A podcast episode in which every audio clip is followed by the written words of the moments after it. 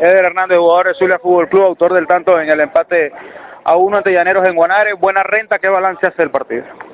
Bueno, sabíamos que eh, la consigna era, era, era sacar un buen resultado porque sabemos que es un partido de, de 180 minutos, por ende se, se hizo, faltan 90 minutos que esperemos podamos terminar de la mejor manera en Maracaibo. La pelota parada y, y nuevamente los goles siguen apareciendo para Eder.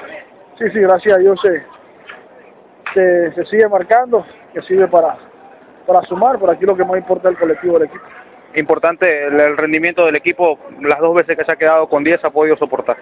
Sí, gracias a Dios hemos, hemos estado bien parados. Hoy Llanero también hizo lo, lo, suyo, propuso, hizo, pero siempre encontró un suyo bien parado. ¿Cuál será la clave de Maracaibo? Bueno, salir a ganar, siempre la, la, la clave de, de, local va a ser esa, salir a, a, buscar el partido para poder tener la tranquilidad de, de pasar a la segunda fase. Muchísimas gracias. Gracias, Jorge.